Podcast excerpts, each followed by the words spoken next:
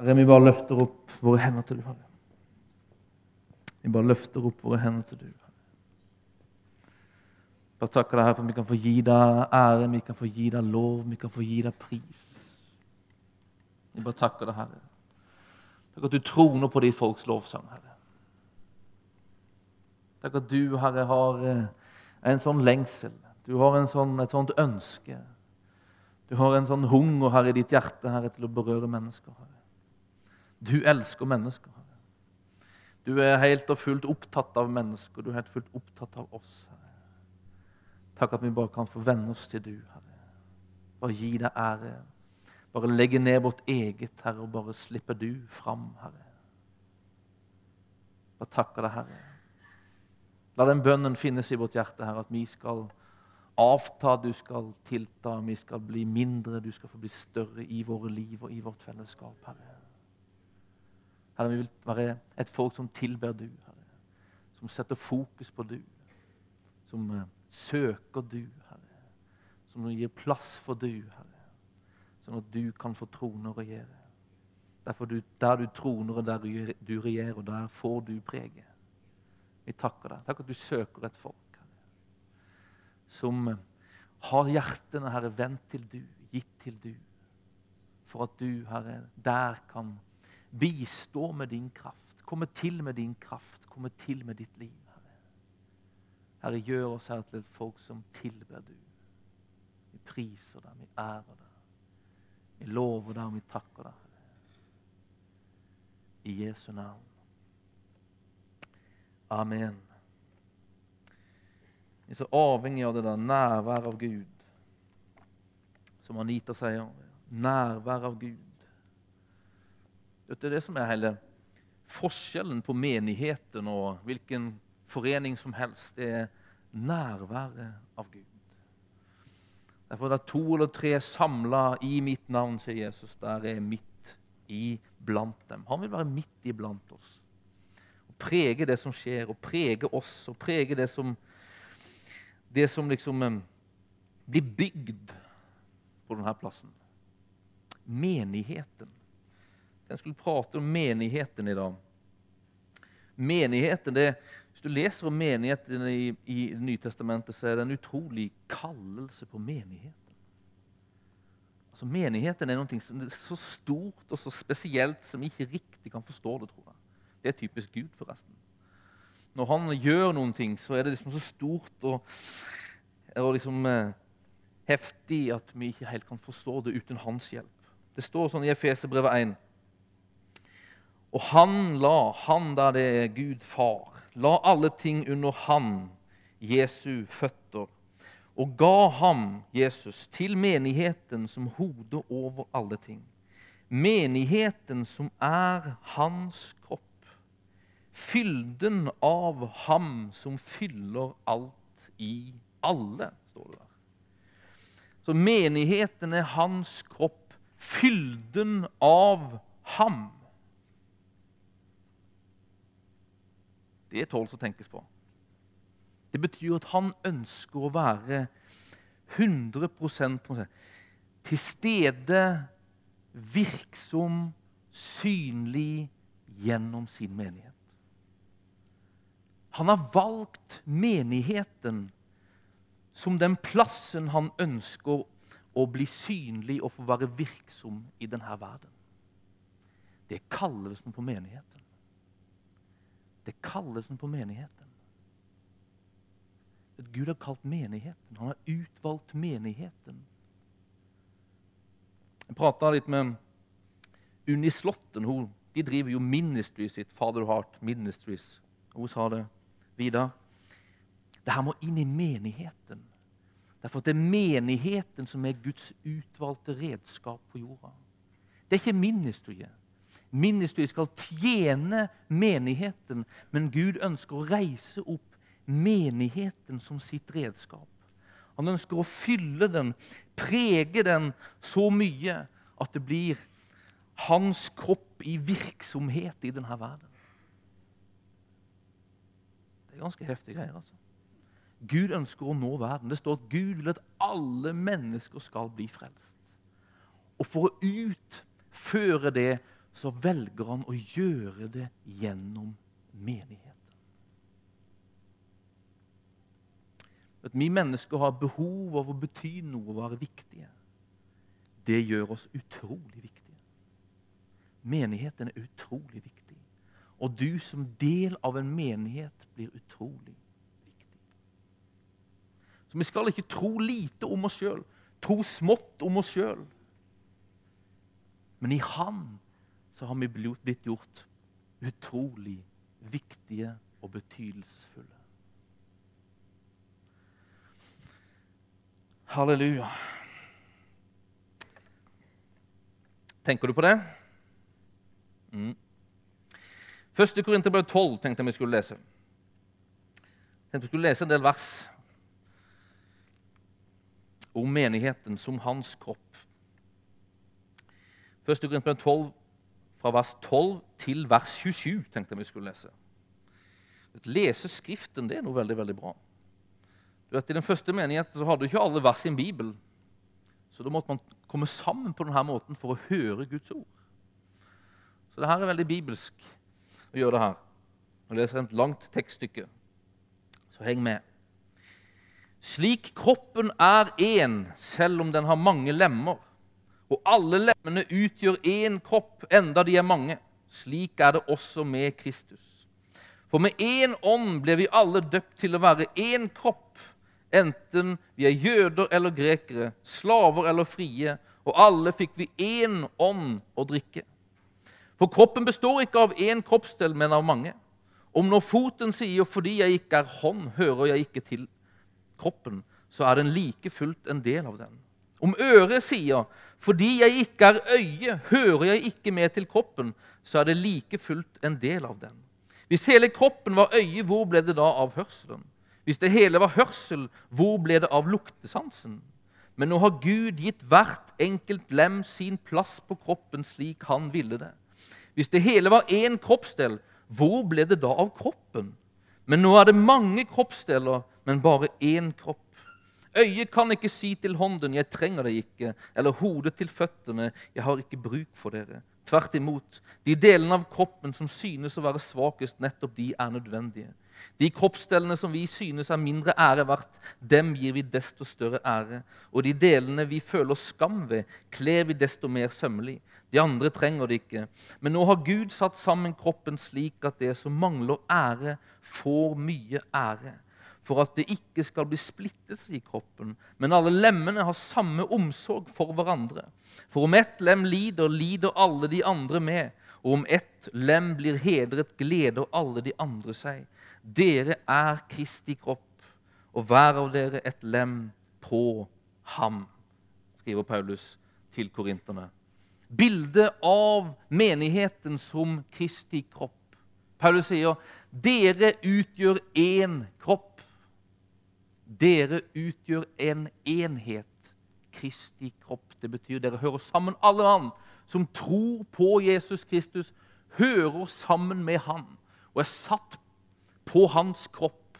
Og Det betyr at alle de som tror på Jesus Kristus, òg hører sammen med hverandre. Vi er en enhet. Menigheten er en enhet. Vi er kalt til å ha enhet. Vi er kalt til å utgjøre en enhet, være en enhet. Men bildet av menigheten som Kristi kropp peker også på at på denne enhet, i denne enhet finnes et mangfold uten like. På en kropp så finnes det kroppsdeler i hopetall. altså. Og hvis ikke det finnes mange kroppsdeler, sier Paulus, da er det ikke noe kropp. sier han så. Det er iallfall en klein en. Veldig begrensa. En dårlig kropp å bare en hånd. Eller ha bare hender. Kroppen består av mange, mange, mange, mange deler.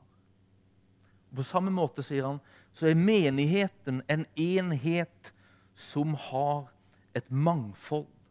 Eller en menighet er et mangfold i enhet. Er et mangfold i enhet. Mangfold er greit nok, men kanskje enheten ikke alltid er så enkelt. Derfor det er ikke alltid lett å forstå seg på de som er helt annerledes enn oss. Men vi er kalt til å høre sammen. Vi er kalt til å være en velsignelse for hverandre. Akkurat som hånda er en stor velsignelse for munnen når munnen skal utføre oppgaven å spise. På samme måte så er vi kalt til å være en velsignelse for hverandre. Det skal finnes et mangfold iblant oss. Vi skal velkomne mangfoldet iblant oss. Det innebærer at vi er ulike og skal være ulike. Det innebærer at vi behøver å være ulike. Behøver at, vi behøver å ønske velkommen ulikhet og variasjon iblant oss. Gjør vi det? Gjør vi det? Jeg håper det. Altså, vi er ganske bra på det. altså. Men det nesten, det, nesten vanskeligste å komme fram til, er at jeg skal være ulik noen andre. Er ikke det lett at vi finner noen som wow, det her, liksom, de her er bra, og så prøver vi å bli en kopi av de? Det er sånn fall jeg har vært. altså. Det er kanskje bare meg. Men opp igjennom så har jeg tenkt liksom, når jeg ser noen å, de der sånn skulle jeg vel være. Jeg skulle være som den. Liksom, da blir jeg et bra del av Kristi kropp. Da blir jeg Men det blir jo ikke det, altså. Den beste delen av kroppen blir du når du blir du. Når du er du, så er du midt, kan man si, midt i din kallelse. Da er du liksom på toppen av liksom, karrieren. Da er du som mest velsignelse når du er du fullt ut. Så når Gud holder på å reise opp sin kropp, så holder han på å elske og virke fram. Du, du, du. Altså. Det er hans plan, det er hans tanke. At du skal vokse. Hva skal du vokse til? Jo, den skal vokse til likhet med han. Hva betyr det? Skal du være lik han liksom Skal du være prikk lik Jesus? Nei. Du skal være lik den han viser seg som for du. Altså. Du skal være lik den han har tenkt at du skal være. Du skal ligne det av han som du skal ligne. Og så skal noen andre ligne noe annet av han, og så sammen så blir vi liksom det her puslespillet, eller kroppen som kommer sammen og som viser det hele og det fulle bildet av ham. Det er vi kalt til. Det er menighetens kallelse. Det betyr at i menigheten, på kroppen, så har alle én plass. Gud har ikke gitt alt til noen, men han har gitt noe til alle.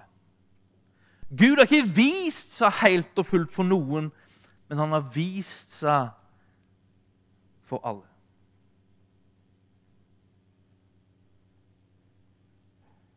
Derfor at det han viser til du, er det du blir lik.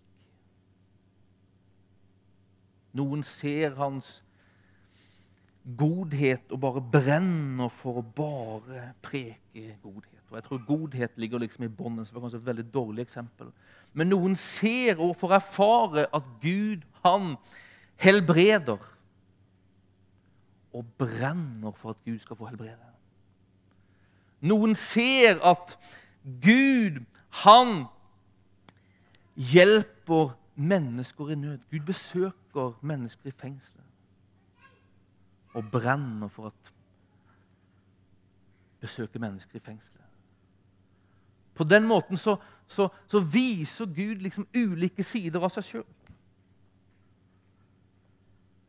Så kaller han oss til å vise ulike saker av ham.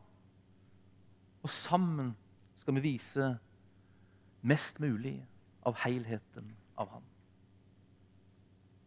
Alle har en plass. Alle har en plass. Det betyr at du har en plass. Så om du føler deg utenfor, ekskludert og ikke har noe særlig tro på det, så er ikke det sant. Du har en plass. Du har noe som menigheten behøver.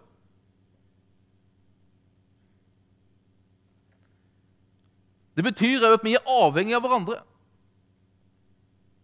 Ingen er kalt til å stå alene. Vi er kalt til å stå sammen. Velsigne hverandre, hjelpe hverandre, styrke hverandre.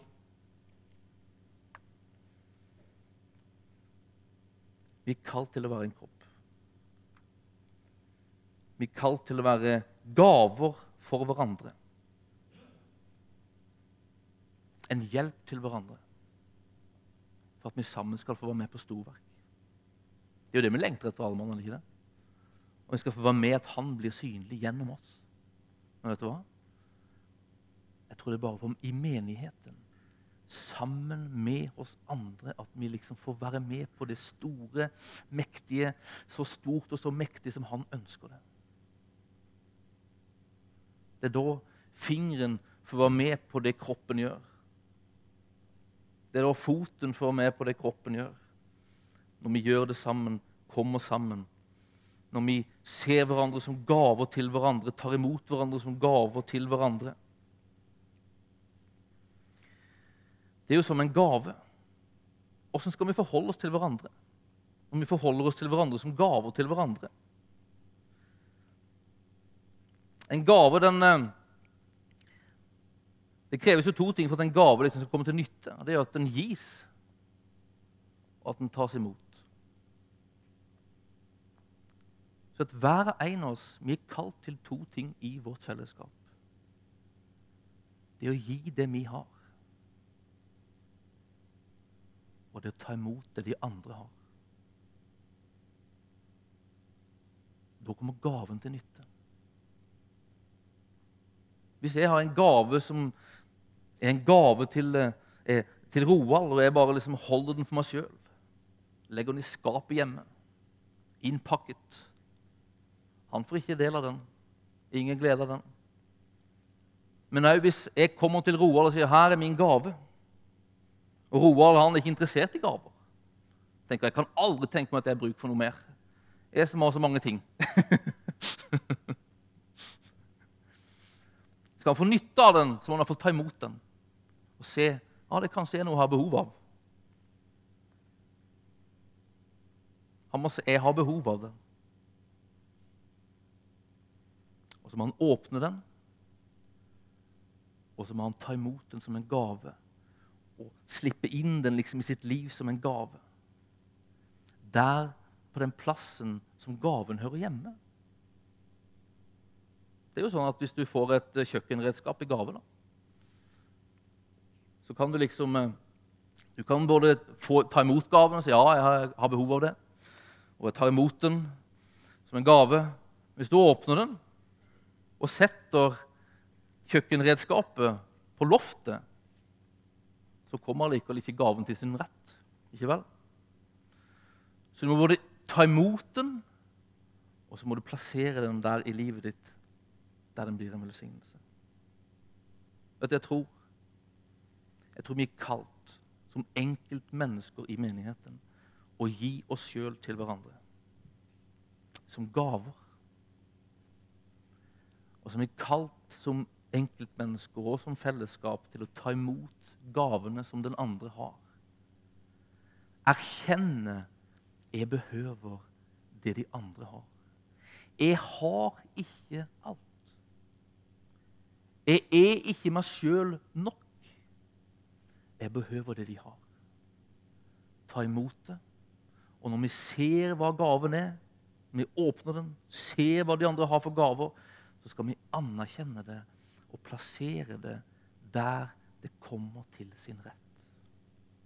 Vi må erkjenne at vi behøver hverandre. Og så skal vi anerkjenne det Gud har lagt i de andre for gaver og for unikt, sånn at det kommer til sin rett. Var dere med på det her? Vi er kalt til å gi oss sjøl, og så er vi kalt til å ta imot de andre som gaver. Åpne de. Plassere de der de får velsigne. Åssen kommer vi dit, da? Åssen kommer vi dit? Det første steget det er at du gir deg sjøl. Det første steget, det er at tro at du har fått noe, og være villig til å gi det. Tro at du har fått noe, og vær villig til å gi det. Og Det er ikke alltid så lett å tro det. At du har fått noe av verdi. Noe som den andre, de andre behøver. Åssen kommer vi oss dit at vi får en tro på det? Åssen kommer vi dit at vi får tro på at vi er viktige bidragsytere faktisk i Kristi kropp? Vi er viktige bidragsytere når han ønsker å reise sin kropp og være virksom gjennom sin kropp her på jorda. Det betyr at han, virker, han ønsker å, å liksom bygge med opp og sette med som en viktig del av det han ønsker å gjøre her i verden. Ser vi sånn på oss sjøl? Ser vi sånn på oss sjøl? Og åssen kan vi komme dit at vi ser sånn på oss sjøl? Jo, jeg tror at en utrolig viktig forutsetning, og kanskje til og med forutsetningen for det, det er i relasjon med ham. Jeg tror at hans kallelse på vårt liv er så stort og så mektig at det er bare der vi kan komme liksom i kontakt med det. Se det og få tro på det. Altså, Det hjelper ikke så mye hvis jeg sier til Anita sa Anita, jeg tror at du skal lede lovsang på stadioner over hele verden. Jeg tror at du skulle være med og lede og ruste en hel generasjon med lovsangere i dette landet. Så det kan høres ut liksom sånn Ja, ja. tenker man. Ser på seg sjøl, og så ser man på omstendighetene sine, og så kjenner man på erfaringene sine. og sånn, Det der, det er liksom bare fantasi. tenker man. Jeg tror Guds tanker for oss hvis ikke på en måte vi, vi, får høre det av ham, så er det lett at vi tar det som fantasi. Og så bare legger vi det vekk. Jeg tror at hans tanker for oss er så store at det er bare hvis han på en måte får tale det, og tale det så tydelig og så lenge at vi liksom får tro på det, at det kan bli noe av det. Vi må tro at Gud vil det. Vi må tro at det er Gud som taler det, for ellers er det liksom for godt til å være sant. Så høye tanker har Gud om dette. Altså. Første Korinterbrev står det noen spesielle ting om, om, om, det han har, og det han vil gi. Første Korinterbrev 2 så står det noe som på en måte beskriver litt av det som Gud har å gi. Så står det vers 9. Men som det står skrevet, det øyet ikke har sett og det øret ikke har hørt, det som heller ikke kom opp i menneskets hjerte, det som Gud har forberedt for dem som elsker ham. Der handler det om evangelium, men det handler om alt det Gud har for oss. Det er liksom, Hvis ikke vi, vi kommer i kontakt med han og får se det hos han, så, så er det liksom bare liksom noe som er ufattbart. Altså. Jeg tror han ønsker å ha oss nær. Jeg tror han ønsker å ha oss inn i sitt nærvær. Og så ønsker han der å begynne å prege oss, overbevise oss, tale til oss om sannheten om du og meg. Jesus taler i kapittel 17 i Johannes evangeliet, tror jeg det, om at hans ord er sannhet. Og så står det om at han har etablert oss i sannheten. Han ønsker å etablere oss i sannheten. Hans nærvær, der finnes sannheten om du. Han ønsker å ha oss der, stående der så lenge, og så liksom At han får tale sannheten, og at vi får tro på sannheten. Hans bilde av du. Hans bilde av du er at du er en utrolig verdifull, du er utrolig elska, du er utrolig viktig, betydelsesfull i denne verden. Du er en gave. Du er en gave for han, og du er en gave til verden. Ser du det som en gave? Åssen kan man si at man er en gave til han? Han har gjort oss, men han har gjort oss til en gave for seg sjøl. Han har gjort oss så han kan nyte av vår tilstedeværelse. Jeg tror det. Og så har han gjort oss til en del av sin kropp, som en gave til hans kropp, sånn at hans kropp kan få være virksom i denne verden. Du er en gave for ham, og du er en gave for verden. Tror du det? At det er bare i hans nærvær som du kan få tro på det. Det er bare i hans nærvær som du kan få, få opp øynene for det. Det er bare i hans nærvær du kan komme i kontakt med hans tanker for du. Han ønsker å prege dine tanker om deg sjøl. Han ønsker å åpne dine øynene på deg sjøl, sånn at du ser deg sjøl og hva han har gitt deg. Han ønsker at du skal se deg sjøl som en gave. Se deg sjøl som en gave.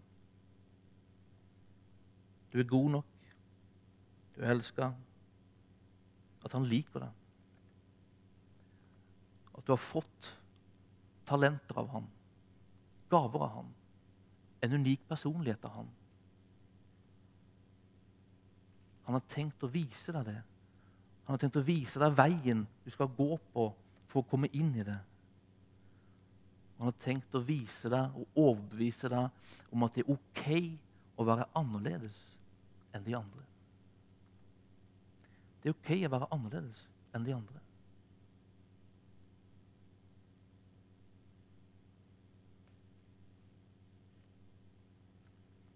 Men han må få si det. Vet du at Det er viktig hvem som sier noe til deg. Sånn er det i det naturlige. Det er viktig at Det er forskjell på liksom, om jeg sier til Trond 'Trond, du er bra', enn om kong Harald sier det. Tror jeg.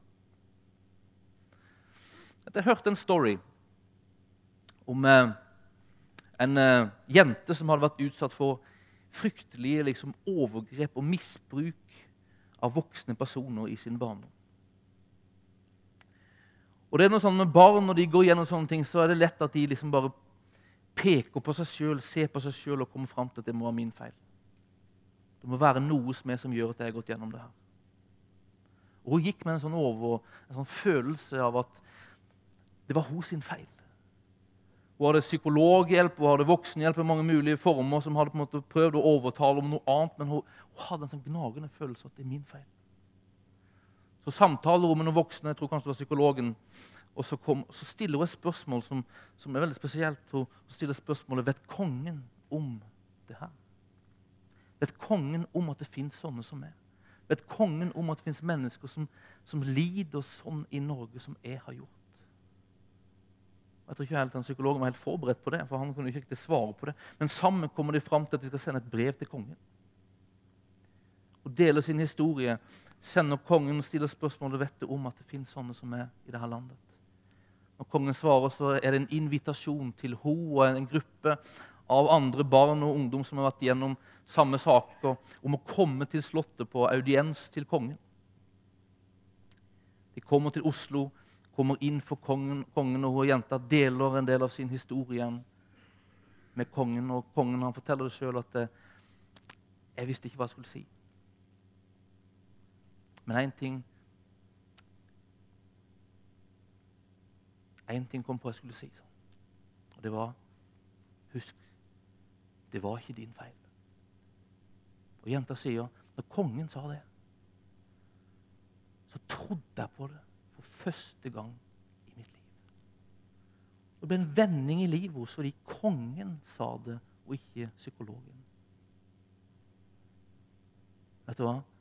Når himmelens og jorden skaper, når kongenes konge, han som har skapt deg, som elsker deg med en evig kjærlighet i nærværet av den kjærligheten får si til du den du er, da begynner vi å tro det men den du er, det er liksom en sånn kaliber på det at det, det er ikke hvem som helst som kan si det. Og du skal tro det. Han må få si det. I sitt nærvær så ønsker han å si hvem du er. Så hans nærvær er så viktig. Hans nærvær er så viktig. når han begynner å fortelle, når han begynner å tale, så, så er det som at troen kommer, tankene våre fornyes. Romerbrevet sier jo det her at, at vi skal la sinnet vårt fornyes. La tankene fornyes. Det er Guds ord og Guds nærvær som kan gjøre det. Forvandle tankene våre på den måten som Gud ønsker. Så at vi tenker rett om oss sjøl. Så at vi ser med oss sjøl og tenker på oss sjøl sånn som han tenker på oss, sånn som han ser på oss. Troen kommer av at hans ord blir hørt her inne. At han får si det til deg. Da vekkes en tro på at du er ikke hvem du har trodd at du er. Du er ikke hvem naboen tror du er. Du er ikke hvem klassekameraten din tror du er. Du er den som han sier at du er. Han er sannheten. Altså.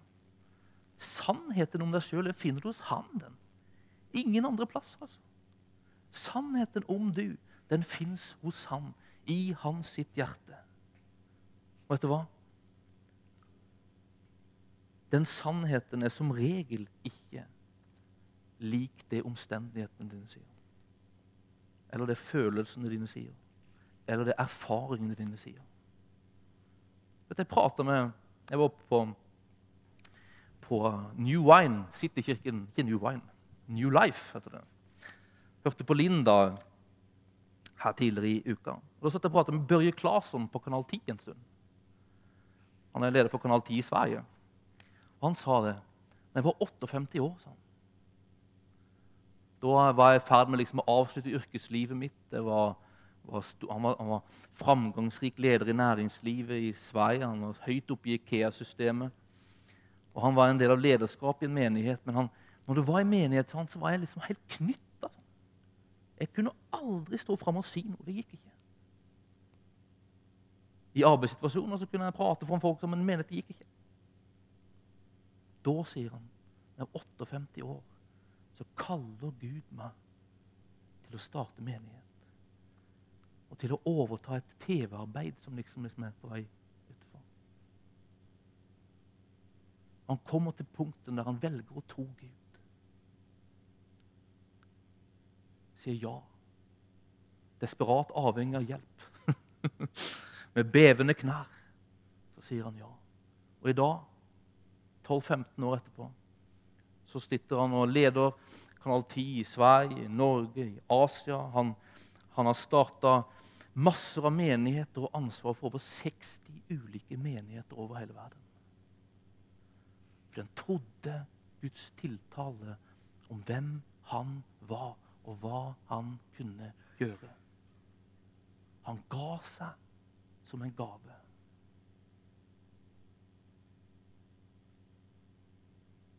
Det er ikke sånn at alle på en måte skal bli Wow! Åssen skal liksom jeg bli liksom leder for 60 menigheter og TV-arbeid og lille med? Det er ikke sikkert at alle skal liksom være der han er. Vi tenker det er så enormt stort. Men vet du hva? Alle deler er like viktige. Jeg lover deg, hadde det bare vært han, så hadde det blitt kleint, selv om han sa ja. Men mengder av mennesker rundt han har sagt ja. Og sammen har Gud fått reise opp sin kropp i Elmhult i Sverige, på Blakstadheia, utover verden, Kanal 10 som TV-arbeid. Han ønsker å reise sin menighet. Han ønsker å peke på hver og en og sier 'Kom til meg', så jeg får fortelle deg hvem du er. Og så kan du få si ditt ja. For meg så var det der en, en lang reise. Å komme inn i det Gud hadde for meg. Fra å ha null tro på meg sjøl. Jeg hadde ingen tro på at jeg kunne, kunne liksom brukes til noe særlig. Jeg var en sånn her eh, kameleon. Så jeg bare var som alle andre for å forsøke liksom å bli noe, være noe som alle andre. Jeg hadde null tro på det Gud hadde lagt i meg. Men igjen, en liksom, over tid i nærværet av Gud. Jeg lærte å kjenne hvem han var.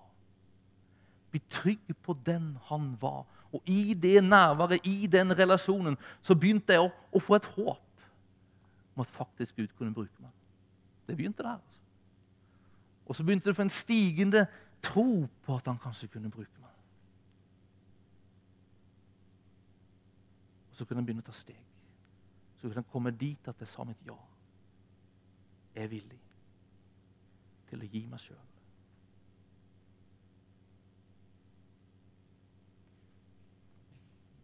Det er en prosess. Det første steget det er å være i hans nærvær, sånn at du får tro på at han har gitt deg noe. Han har gitt deg noe. Han har gitt deg noe. Det andre steget, det er å velge å gi det. Og den begynner før du faktisk vet hva du skal gi, tror jeg ofte. For at Vi inviteres til Han. Vi kalles av Han til å gå på det vi kaller for en tjenervei. Til å tjene. Til å gi vårt liv inn i fellesskapet. Til å velge å si at 'jeg tror at Gud har gitt meg noe'. Jeg er ikke helt sikker på hva det er, men jeg velger å gi meg. Jeg velger å tjene. Vet du, Når man går på den veien, da begynner ting å bli synlige. Sånn var det for meg. Jeg visste ikke riktig hva det var. Jeg hadde ante noe, liksom. Jeg hadde kanskje drømt om noe. Så begynte jeg å tjene. Jeg hørte man skulle gjøre det. Og da gjorde jeg det. Jeg begynte å tjene. Jeg mener, tjene, Å lære seg å tjene det er en sånn grunnforutsetning for å bli brukt av Gud. For at alt det han vil gjøre, gjør han gjennom å tjene. Så alt det vi ønsker å gjøre for ham, det skjer gjennom å tjene. Han kom for å tjene. Jesus, vårt eksempel, han sa jeg kommer ikke for å bli tjent, men jeg kommer for å tjene. Det må òg være vår holdning. Vi er ikke her for å bli tjent, vi er her for å tjene. Det hjertet der, det er hans hjerte. Så vet du hva? Det må vi lære. Hvis han skal få reise sin menighet, så må menigheten velge å tjene. Vi må tjene hverandre, vi må tjene verden. Og Den veien den kaller han oss ut på. Og jeg tror han gjør det før vi vet riktig hva vi skal tjene med. Begynn å tjene. Jeg begynte å tjene. Jeg begynte å tjene på, på selv om jeg hadde, liksom, jeg hadde ante noen ting. Jeg ante kanskje hva, jeg drømte om visse ting, men jeg visste ikke riktig hva det var. Og så begynte jeg jeg må bare begynne å tjene. De andre så det iallfall ikke når ikke jeg så det. for å si det sånn. Så jeg begynte å tjene. Jeg begynte å tjene i kjøkkenet, i ungdomsarbeidet i Sverige. Og er det én plass jeg ikke har mine store gaver, så er det i kjøkkenet. Så jeg spurte hvor behøver dere meg? Kjøkkenet. Så jeg er en kamerat, og han, heller, han, var litt bedre enn meg kanskje på å lage mat. men heller ikke den store kjøkkenkunstneren. Vi begynte å lage mat. Med. Hver fredag så lagde vi kveldens rett. Det ble jo en blanda mottagelse. Etter hvert så ble det ganske lette greier. Det var ostesmørbrød sånn cirka hver fredag. Men vi tjente. Og når vi begynte å tjene, og de begynte å se våre tjenerhjerter, så begynte det liksom å bli synlig hva som lå i oss. Og et sånt skal vi jo være. Når noen gir seg inn, så er det lettere å se hva det er. Og så skal vi se hva er det de har. De rundt oss de begynte å se hva er det som ligger der. Og så begynte vi liksom å sammen liksom komme fram til hva, hva er det som ligger der. Og Jeg kunne begynne å dele mine drømmer, og da hørte de på meg. og så, ja, vi ser noe av det, og så kunne vi begynne å, å liksom peile oss mer og mer inn på hvor var plassen min på denne kroppen. Og du, Det er en livslang oppdagelse. altså. Av å tjene med det du har. Av å, av å bestemme seg mitt liv skal komme til nytte. Jeg gir mitt liv, det jeg har inn i fellesskapet, og så tjener jeg. Og så begynner du å oppdage hva som finnes der. Og så begynner mennesker rundt deg å oppdage hva som finnes der. Du har gitt gaven din. Mennesker begynner å, å åpne den, erkjenner 'jeg behøver deg', åpner gaven, og så ser man 'wow', det er jo det her som ligger hos deg. Og så anerkjenner man det, og så kan man plassere det der det hører hjemme. Men det er en tjenervei. Det er en tjenervei. Vet du hva? Når jeg ser på mennesker i, i menigheten og jeg leter etter hva fins der, hva bor der, hvilke gaver er der, så er det veldig mye vanskeligere å se det når folk sitter stille. Det er mye lettere å se det når folk tjener. Og jeg tror det, altså. Det er som at når, når vi tjener, så er det liksom da, da er vi på rett spor. Da gjør vi det på rett måte. Og det er som at Gud kan åpne øynene, så vi kan se hva den andre har. Så det å tjene Det å tjene. Og på tjenerveien oppdage hvilke gaver du har.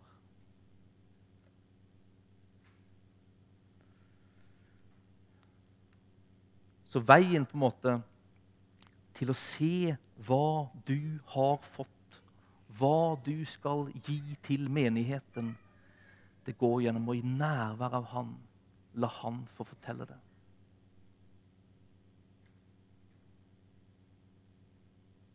Og så velge å gi ditt liv.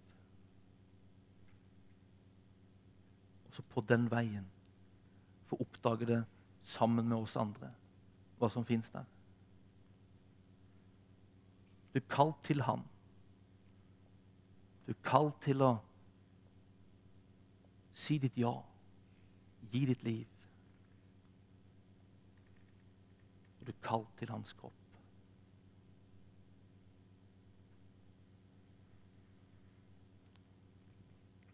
Han kaller oss, inviterer oss. Han krever ikke av oss. Han lokker på oss og sier 'kom'. Sier 'kom'. Det er lett at å tjene det blir et krav. Det å være en del av menighet det blir et krav. Men Gud krever ikke. Gud inviterer. Det er i fellesskapet med Han som du kan komme på og se hva du er. Det er i fellesskap med Han som du kan få en lengsel og en villighet til å gi ditt liv. Det er fellesskapet med Han. Det er relasjonen med Han. Det er nærværet av Han som er nøkkelen til at du skal finne din plass på denne kroppen. Men det fins en plass. Han ønsker at du skal finne den. Han vil hjelpe deg. Han vil lede deg. Og for å gjøre det, så sier han, 'Kom'. Kom. Jeg skal vise deg. Jeg vil gjøre deg villig. Jeg skal lede deg. Jeg hadde andre klasse på bibelskolen i Sverige. da var det lederutdannelsen de hadde da. Og Der er det på en måte mange ting. Når man er leder, så er det masse sånne her krav og forventninger som banker på hele tida. Ansvar. Og, og det er sånn, I menigheten når man har masse ansvar, så, så kjenner man på krav. altså. Man kjenner jo på krav. Jeg kjenner på masse krav. altså. altså, Min stilling krever noe. Og sånn er det. Min stilling krever noe. Men det er kjempeviktig for meg å skille på hva stillingen gjør, og hva Gud gjør.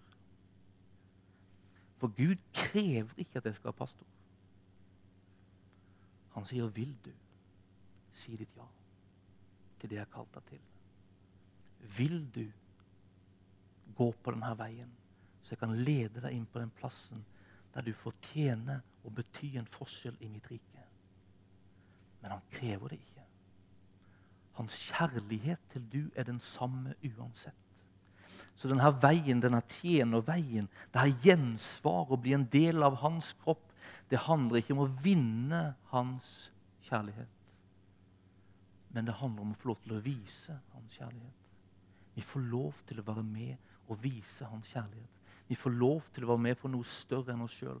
Vi får være lov til å være med på det han ønsker å gjøre gjennom sin kropp. Si vårt ja. Ved å komme til ham og si til ham, gjør meg dugelig. Vis meg, før meg, gjør meg villig og led meg. Han inviterer oss inn i det. Han ønsker å gi deg tro. Han ønsker å vise vei. Han ønsker å lede deg inn i det han har. Anita, det kan komme. vi skal ta en stund i hans nærvær. Og så la han få prege oss med sitt nærvær.